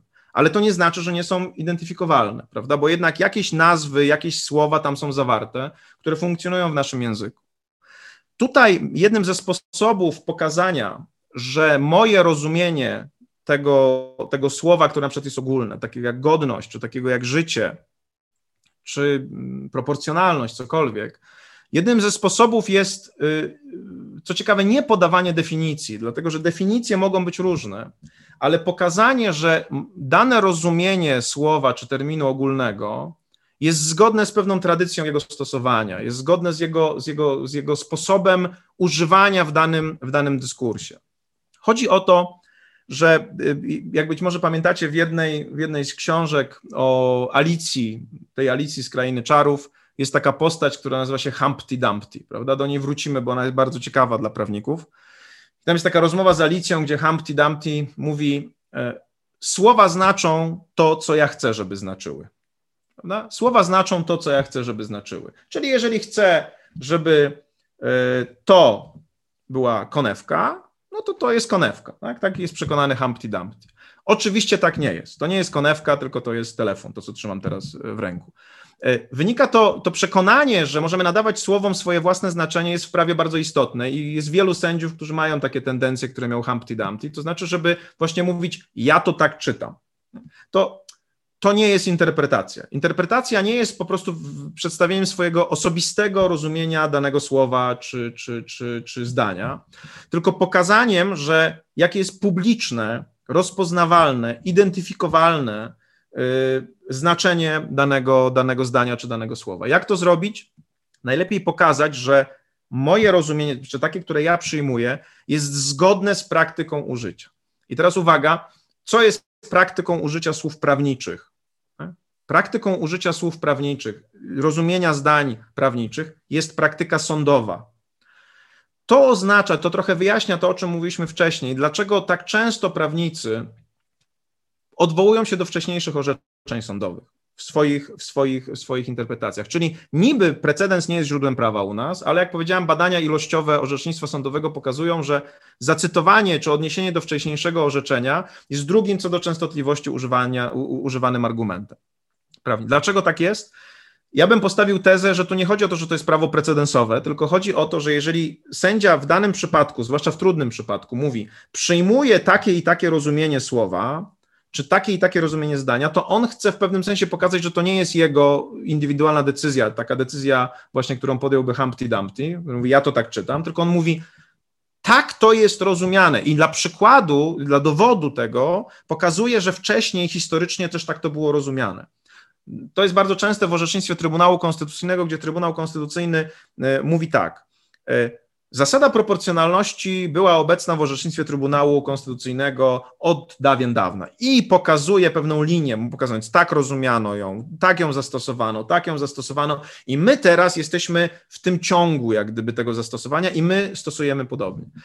To jest bardzo istotne i to po raz kolejny potwierdza, dlaczego tradycja i znajomość praktyki jest dla prawników ważna, bo w słowo, które po prostu jest w pewnym sensie abstrakcyjnym znakiem w tekście prawnym, można naprawdę bardzo dużo treści włożyć. Natomiast my, kiedy będziemy analizowali pracę Dworkina i jego tak zwaną mm, metaforę powieści w odcinkach, która bardzo mocny kładzie nacisk na tradycję i na, na wpisanie się w pewnego rodzaju dotychczasowy sposób, sposób interpretacji, e, to wtedy będziemy widzieli, dlaczego ta tradycja jest taka ważna, bo ona ogranicza dyskrecjonalność, ona ogranicza wolność. Ja mogę się odciąć od tego, co było wcześniej, i wtedy uzyskuję dużo wolności. Tak? Nie jest przypadkiem, że właściwie wszystkie totalitarne systemy odcinają się od tradycji i tworzą swoją nową świecką tradycję. Tak? Dlatego, że tradycja wiąże, tradycja ogranicza pewnego rodzaju ruchy i w prawie ona jest niezwykle, niezwykle ważna. Tak? Ona jest niezwykle, niezwykle ważna, bo właśnie ona powoduje, że my nie możemy nadać słowom zupełnie nowego znaczenia, tylko musimy pokazać, że stosujemy je w taki sposób, jak były w danej praktyce stosowane. To też jest jakieś identyfikowanie źródła i to też jest jakieś ograniczanie naszej, naszej, naszej wolności. Tyle na temat yy, te, tego pozytywizmu i tych trzech tez. Podsumujmy może sobie ten element. Mówiliśmy w tej pierwszej części o twardym pozytywizmie, w którym mamy do czynienia z takim bardzo powiedziałbym wręcz biologicznym rozumieniem prawa, że oto jest ten samiec alfa albo samica alfa, która ma panowanie nad danym społeczeństwem, ma siłę odpowiednią, żeby, żeby, żeby w pewnym sensie zarządzać tym społeczeństwem, traktuje prawo jako rozkaz zabezpieczony sankcją, w tym przypadku ten rozkaz y, jest faktem społecznym, ponieważ można go zidentyfikować. Jest on dostępny w formie językowej, czyli można, można go po prostu sobie odtworzyć. Y, bardzo ważnym elementem jest sankcja. O nim tak dużo dzisiaj nie, mówili, nie mówiliśmy, ale mówiliśmy wcześniej. Ona jest jednym z podstawowych powodów, dla, czy w ogóle podstawowym powodem, dla którego ludzie przestrzegają prawa według tej koncepcji. Y, I mówiliśmy o tym, że ta cała sytuacja, którą mamy do, z którą mamy teraz do czynienia, ona jest, czyli kwestia y, ustawy aborcyjnej i decyzji Trybunału, ona jest dobrym jakby takim przykładem, na którym te zagadnienia można omówić. Można pokazać, że y, jak ważne jest to, żeby identyfikować prawo jako fakt społeczny, a nie szukać go gdzieś w moralności. Jak bardzo ważne jest to, żeby rozumieć, jakie jest znaczenie tezy o rozdziale i tego, że moralność nie może unieważniać prawa, jak ważna jest identyfikowalność źródła i precyzja w jego, w jego identyfikowaniu, ale pokazuje też kwestię myślenia poprzez sankcje. To znaczy, że najważniejszą rzeczą jest to, żeby było prawo, które jest zabezpieczone sankcją, a inne działania państwa, na przykład edukacyjne, opiekuńcze y, są, są, są na dalszy plan y, przesunięte. Mówiłem, ja wracam do tego tematu, moim zdaniem ten, ten styl tworzenia prawa, taki szeryfowski, z którym mamy ostatnio do czynienia, jest powrotem do tej wizji. I jak mówiłem wam też, jest on, y, jego, jego popularność, bo myślę, że on jest w pewnym sensie popularny, ta, jest związana z koncepcją masochizmu społecznego Froma, czyli ponieważ świat nam się jednak trochę wali dookoła, tak? Rok 2020 nie jest fajnym rokiem. E, I są obawy ekonomiczne, i są obawy epidemiologiczne. Jeszcze pewne działania propagandowe nara powodują narastanie tego strachu. Ludzie lgną do silnego władcy e, ze wszystkimi tego konsekwencjami. Ze wszystkimi tego konsekwencjami. Spójrzmy teraz na, na, na, na pewną krytykę, którą rozpoczął Hart e, wobec tego pozytywizmu twardego. Jeszcze raz przypominam, że Hart pojawia nam się po II wojnie światowej żeby naprawić pozytywizm, który nam się zepsuł, który, który, który, który upadł kom, kompletnie w czasie, w czasie III Rzeszy i II wojny światowej i chce zachować te trzy tezy. Tak? Będziemy o tym mówili, jak on to robi i jak on rozumie tezę, tezę społeczną, jak on rozumie tezę o rozdziale, jak on rozumie tezę o źródle, bo będziemy mieli osobny, osobny wykład na temat Harta. Natomiast teraz zobaczmy, dlaczego on uważa, że ta koncepcja twardego pozytywizmu nie jest, nie jest sensowna. Właściwie on krytykuje wszystkie te elementy, o, o których mówi twardy pozytywizm. Znaczy, po pierwsze, mówi, prawo nie jest, nie tylko jest rozkazem suwerena, i prawo wcale nie musi być zabezpieczone sankcją, żeby było, żeby było sankcją. Y, I pierwszym elementem to jest element, y, który nazywa się w koncepcji Harta paradoksem bandyty. Hart mówi, że jeżeli byśmy przyjęli takie rozumienie, jak przyjmuje twardy pozytywizm, no to wtedy właściwie trudno jest nam odróżnić trudno jest nam odróżnić e, rozkaz wydany przez suwerena od sytuacji, w której bandyta trzyma nas na muszce i mówi pieniądze albo życie. Dlaczego jest nam trudno to odróżnić? Dlatego, że właściwie w jednym i w drugim przypadku mamy do czynienia z rozkazem i mamy do czynienia z zagrożeniem sankcją. E, w przypadku bandyty rozkazem jest dawaj pieniądze, sankcją jest to zastrzelę cię, tak? czyli ryzyko poniesienia pewnej, pewnej szkody. I Hart mówi, My intuicyjnie chyba jednak widzimy jakąś różnicę pomiędzy prawodawcą a bandytą, pomiędzy sank- w ogóle prawem a y, rozkazem, który wydaje nam bandyta, który każe nam dać y, pieniądze. Ponieważ tak jest, i zaraz Hart pokazuje te różnice, wizja pozytywizmu twardego jest zbyt uboga. To znaczy, ona pokazuje tylko jeden aspekt prawa, taki aspekt przymusu, aspekt sankcji pod, gdy, podczas gdy prawo różni się istotnie od rozkazu bandyty. Tak? Czym się różni prawo od rozkazu bandyty? Po pierwsze, pierwszym elementem jest to, jest, na który zwraca uwagę e, Hart, to jest problem następujący. Trwałość tego rozkazu.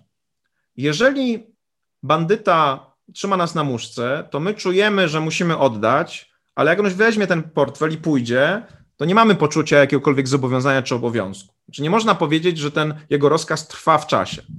Co więcej, jeżeli na przykład ten bandyta zostałby zastrzelony, no to to już w ogóle on nie ma możliwości wydawania dalszych, dalszych rozkazów. Ten jego rozkaz był pojedynczy, chwilowy i na pewno nie trwa w przestrzeni społecznej i nie reguluje w sposób generalny i abstrakcyjny naszych zachowań e, całościowo. Podobnie jest z prawodawcą, zwróćcie uwagę, przecież nasze prawo działa bez względu na to, czy zmienia się prawodawca. Tak? Mamy mm, Sejm jednej kadencji, parlament jednej kadencji, parlament następnej, tam się jacyś ludzie zmieniają, prawo trwa. Co więcej, nawet jak prawo było bardziej związane z konkretną osobą, na przykład z monarchą czy z władcą, to to nie było tak, że jak monarcha umierał, to prawo przestawało obowiązywać i czekało się, aż nowe prawo od nowa zostanie uchwalone. Więc po pierwsze, Hart mówi, różnica polega na tym, że prawo trwa w czasie, a rozkaz jest chwilowy. I pytanie brzmi, co powoduje to, że prawo trwa w czasie, i Hart da na to odpowiedź. Powie, to jest pewna praktyka społeczna, która podtrzymuje istnienie tego prawa, i do, do, tego, do tego wrócimy. Po drugie, mówi Hart, problem z bandytą jest następujący, mianowicie ja nie jestem w stanie zbudować uzasadnienia, że ja powinienem przestrzegać rozkazu bandyty. Jedynym powodem, dla którego ja to robię, jest po prostu mój strach przed tym, że on mnie zastrzeli. Uważam, że w ogóle ta, to, co on mi każe zrobić, jest absolutnie bezsensowne. Tak? Buntuję się przeciwko temu, no ale robię to, bo boję się, bo, boję się sankcji. Ponownie Hart mówi, prawo tak nie działa. Oczywiście może zdarzyć się tak, że jest prawo, które my traktujemy jako wrogie i, i niestety współcześnie w Polsce jest coraz więcej takich, myślę, regulacji, które właśnie mają taki charakter, że my się przeciwko nim buntujemy. Natomiast co do zasady, mówi Hart, dobrze działającym społeczeństwie, dobrze działającym prawie, my jesteśmy w stanie znaleźć uzasadnienie, dla którego mamy przestrzegać prawa inne niż sama sankcja. Tak? Hart mógłby powiedzieć: Zakładam, że dzisiaj nikogo nie zabiliście ani nikogo nie okradliście. Nie tylko dlatego, że sprawdziliście sobie w kodeksie karnym, że tam jest sankcja i powiedzieliście: No nie, nie, nie, tak? tego, tego, tego, tego nie zrobię. Nie.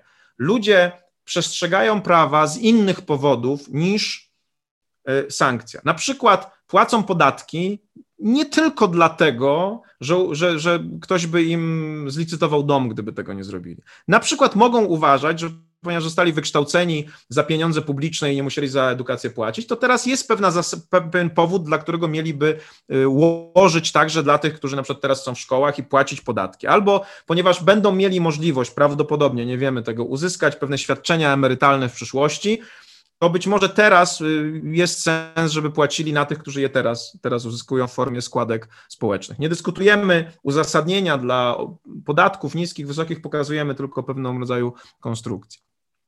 Co więcej, ta, to rozumienie, że to nie sankcja powoduje przestrzeganie prawa, można też odwrócić. Można powiedzieć, że to nie tylko sankcja powoduje y, inaczej, nie, nie, wystarczy ustanowić sankcji, żeby ludzie prawa przestrzegali. Muszą być jakieś inne powody także. Ja dawałem ten przykład wcześniej dotyczący wypadków drogowych, pokazując, że po prostu ustanowienie sankcji karnej nie rozwiązuje zagadnienia, ale innym problemem, który jest współcześnie w Polsce mocno dyskutowany, jest kwestia pedofilii.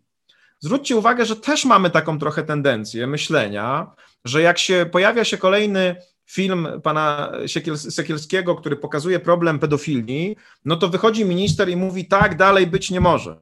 Tak? Poradzimy sobie z tym problemem. Jak? Zaostrzymy kary.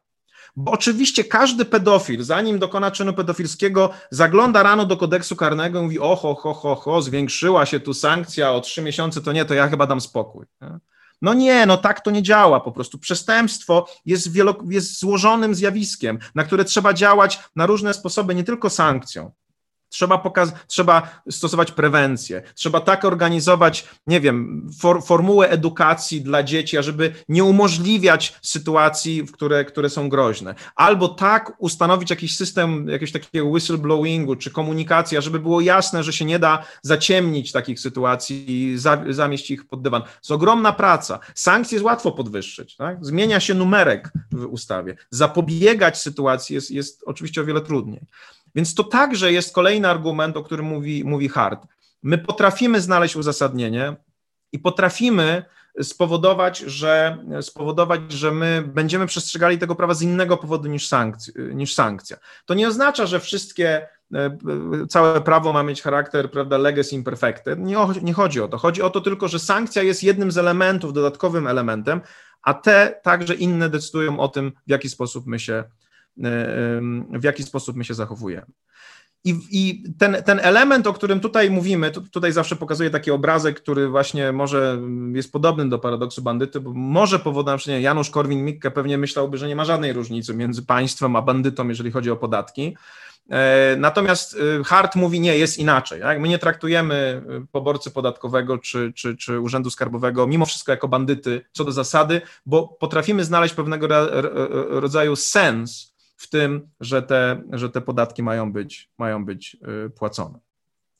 I teraz ten element tej, tej, tej, tej, tej narracji, który tutaj jest, y, y, dotyczący właśnie tej możliwości znalezienia uzasadnienia, on jest obrazowany przez Harta przez jego taki, taką dystynkcję pomiędzy wewnętrznym i zewnętrznym punktem widzenia na reguły, czy spojrzenia na reguły.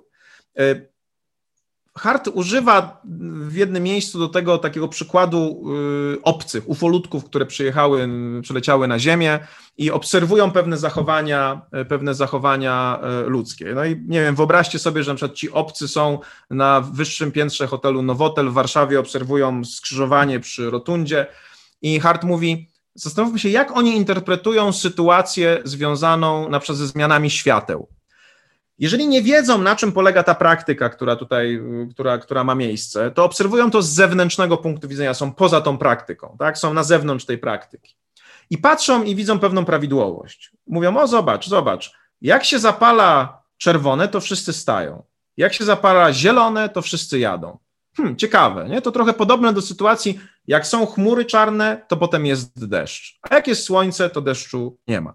Hart mówi, oni obserwują to jako pewnego rodzaju prawidłowości faktyczne, nie widzą w tym normatywności. To znaczy, oni właściwie na, na tej podstawie tworzą takie predykcje, przekona, przewidywania. Jak się zapali czerwone, to się zatrzymają, jak się zapali zielone, to pojadą. Hart mówi, takie myślenie jest możliwe też w prawie, że ktoś sobie mówi tak, jak ustanowię sankcje, to nie będą działać, jak nie ustanowię sankcji, to będą działać. Albo ktoś mówi, ktoś patrzy na reguły tylko i wyłącznie jako na takie przeszkody naturalne. Na przykład ktoś chce obrabować bank i mówi, hmm, no jest sankcja za to, no jest to pewnego rodzaju problem, ale dla niego to jest właściwie problem taki sam jak to, że jest safe zamknięty. No i nie traktuje tego jako źródła swojego obowiązku, tylko pewne zjawisko wręcz faktyczne. Tak? Jest to pewna przeszkoda. Hart mówi, że zewnętrzny punkt widzenia na reguły przyjmuje e, zły człowiek, taki model złego człowieka. Znaczy widzi reguły jako przeszkody w swoim życiu tylko i wyłącznie. I w pewnym sensie takie twarde, twardy pozytywizm takie reguły tworzy. On nie tłumaczy, nie pokazuje, dlaczego one są nam do czegoś potrzebne, tylko ogranicza nasze działanie. I to powoduje po pewnym czasie pewną także degenerację prawa, ponieważ my, jeżeli my tak postrzegamy prawo jako przeszkodę, jako pewien fakt, który ogranicza nasze życie, to to nie jest istota prawa, mówi, mówi Hart. Prawo, rzeczywiste prawo jest postrzegane z wewnętrznego punktu widzenia, z pewnego punktu widzenia takiej akceptacji, y, y, możliwości przynajmniej akceptacji. Y, nawet nie musi to być zawsze akceptacja, ale takiego przekonania, że powinienem, tak, że powinienem to zrobić. Tego przekonania nie ma w przypadku rozkazu bandyty. Jak siedzę i on we mnie mierzy, to ja nie mogę sobie powiedzieć, powinienem to zrobić, w sensie powinienem, powinności o charakterze jakiejś takiej jakiejś, jakiejś niezwiązanej z ochroną mojego życia, prawda? Y, mądrze oczywiście jest oddać ten portfel, bo chcę ochronić swoje życie, ale nie mogę stworzyć powinności w rozumieniu takim, myślę, deontologicznym. Trudno, trudno, byłoby to, trudno byłoby to sformułować. Hart uważa, że w, w rozwiniętym systemie prawnym my patrzymy na reguły z wewnętrznego punktu widzenia, a w szczególności, nawet jeżeli społeczeństwo ogólnie tego nie robi, sędziowie, którzy stosują reguły, a w szczególności tę regułę uznania, o której mówiliśmy poprzednio, czyli, czyli która, która wprowadza reguły do systemu, postrzegają ją z wewnętrznego punktu widzenia jako uzasadnioną, jako właściwą, jako, jako sensowną. Na przykład pamiętajcie, pamiętajcie, że elementem reguły uznania było, to, czyli tego zestawu kryteriów, które decydują o, o czymś, że coś jest ważnym elementem prawa, był było na przykład to, że zostało ustanowione przez prawodawcę i zapisane w tekście prawnym. To nie jest tak, że y, sędzia mówi, kurczę, no muszę to akceptować, nie zgadzam się z tym, że tak jest, to w ogóle nie ma sensu, no ale trudno, jestem zmuszony, bo jak nie, to będę miał dyscyplinarkę. A to mówi, nie, sędziowie w taki sposób nie myślą. Sędziowie widzą sens tego, żeby reguły prawne były ustanawiane przez prawodawcę wybranego na przykład demokratycznie, a następnie ogłaszane, bo na przykład to zapewnia transmisję aksjologiczną tego, co myśli społeczeństwo, do prawa i wtedy to prawo jest bardziej zgodne z y, aksjologią społeczną.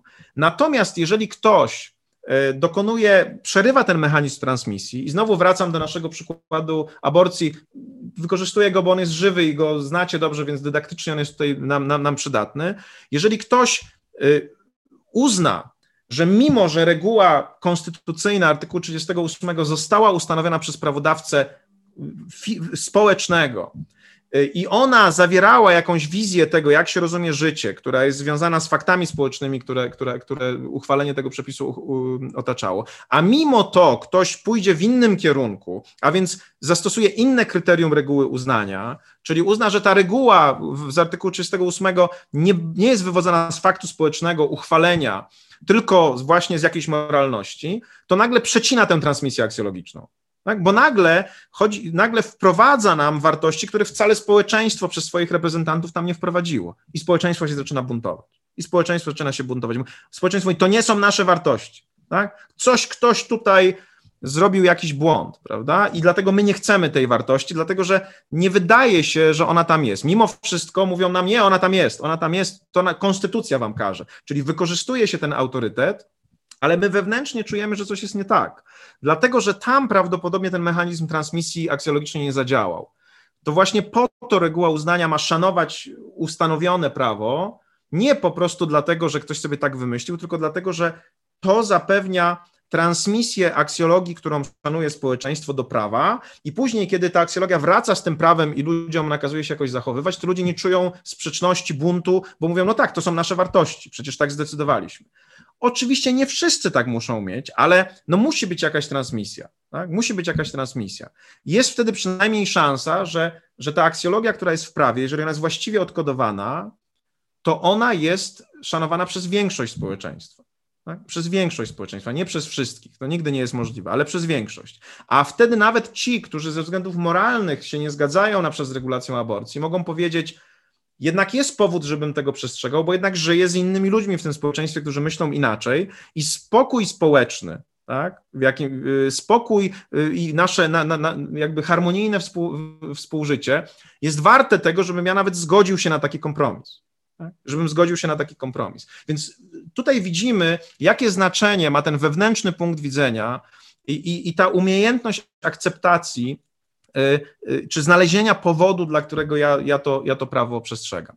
Jeżeli natomiast prawo działa według schematu twardego pozytywizmu, czyli takiego, które właśnie opiera się tylko na rozkazie i na sankcji, które, które właściwie traktuje prawo jak, mm, jak rozkaz, rozkaz bandyty, no to wtedy pojawiają się bardzo nieprzyjemne sytuacje. Po pierwsze, ludzie nie bardzo rozumieją, dlaczego prawo mają, prawa mają przestrzegać. Po drugie, za każdym razem, kiedy nie widzą uzasadnienia, no bo to prawo jest im narzucone, zaczynają się buntować, no bo mówią, no ale dlaczego ja właściwie mam tego przestrzegać? Tak? Po co to wszystko jest? Jeżeli zapomnimy w procesie tworzenia prawa o uzasadnianiu, o, o deliberacji, o pewnego rodzaju zaproszeniu ludzi do tego, żeby oni mogli to zinternalizować, żeby mogli ten wewnętrzny punkt widzenia jakoś wypracować, to potem kończy się tak, jak się kończy, jest bunt. Pamiętajcie, że ten bunt, z którym mamy teraz do czynienia, przecież on nie dotyczy tylko kwestii aborcji, dotyczy także regulacji covidowych. Już o tym mówiłem, że jest za mało deliberacji, za mało dyskusji, za mało wyjaśniania ludziom, dlaczego tak, a nie inaczej powinno to być uregulowane. Nie wyjaśnił nikt, dlaczego zamknięto lasy, nie wyjaśnił nikt, dlaczego lasy otwarto. Więc ludzie pomyśleli, to jest bez sensu w ogóle, prawda? I spada autorytet prawa, bo, pra, bo prawodawca staje się bandytą, który jedyną rzecz, jaką ma, to pistolet, czyli sankcje. A ludzie nie lubią przemocy, ludzie nie lubią pistoletu. Ludzie chcieliby, żeby ich potraktować jako partnerów. Ludzie chcieliby, żeby ktoś im powiedział, dlaczego tak jest. I jest to możliwe. Ja zawsze daję taki przykład, no on teraz nie, nie, nie, zadziała, ale na, na sali wykładowej można, można go, go, go wykorzystać. Jeżeli ja wam teraz powiem, wstańcie z krzeseł, stańcie na jednej nodze, podnieście ręce nad głowę i tak zamachajcie i wyobraźcie sobie, że jesteśmy w sali wykładowej, no to większość z was powie, no nie, no chyba zwariował, nie? Chce z nas zrobić idiotów. Nie? Dlaczego ja mam zachować się jak clown, prawda? To byłaby sytuacja, w której ja wam daję rozkaz, powiedzmy, jestem suwerenem i mówię, macie to zrobić, bo jak nie zrobicie, to wszyscy dostaniecie dwóje. Jest sankcja jeszcze, czyli zachowałem się jak twardy pozytywista, prawodawca twardego pozytywizmu, jak bandyta. Kazałem wam coś zrobić, nie powiedziałem dlaczego i powiedziałem, że będzie sankcja. A teraz wyobraźcie sobie, że ja za, że zamiast to, tego, ja mówię wam tak, słuchajcie, wiecie na pewno o tym, że jeżeli człowiek długo siedzi, to y, jego układ krwionośny trochę słabiej działa. Już nie jesteście tacy młodzi, I są dowody naukowe, które wskazują, że długie siedzenie może powodować e, zakrzepy, które są niebezpieczne dla waszego zdrowia. Jak myślicie, co można byłoby zrobić, ażeby tego uniknąć? Zapraszam was do dyskusji. Wtedy ktoś się zgłasza, mówi, panie profesorze, może przeprowadzimy gimnastykę. Ja mówię, świetny pomysł. Może w związku z tym wstaniecie z krzeseł, staniecie na jednej nodze, wzniesiecie ręce nad głowę i tak zamachacie. I wtedy sytuacja jest już całkowicie inna, tak? Ponieważ Pogadaliśmy o tym, wyjaśniłem. Wiecie, że nie chcę z was zrobić idiotów, tylko jest jakiś powód ku temu i dokładnie taka sama reguła, ale podana na gruncie pozytywizmu wyrafinowanego, czyli znowu jest ona faktem społecznym, jest ona wydana przez prawodawcę, ale zamiast sankcją jest obwarowana pewnym uzasadnieniem, próbą dania szansy adresatom, ażeby zinternalizowali to prawo, działa zupełnie inaczej, ma większą skuteczność. Oczywiście nie, wszędzie, nie zawsze to tak działa, tak? Są pewne takie obszary, gdzie po prostu sankcja i to sankcja surowa musi być.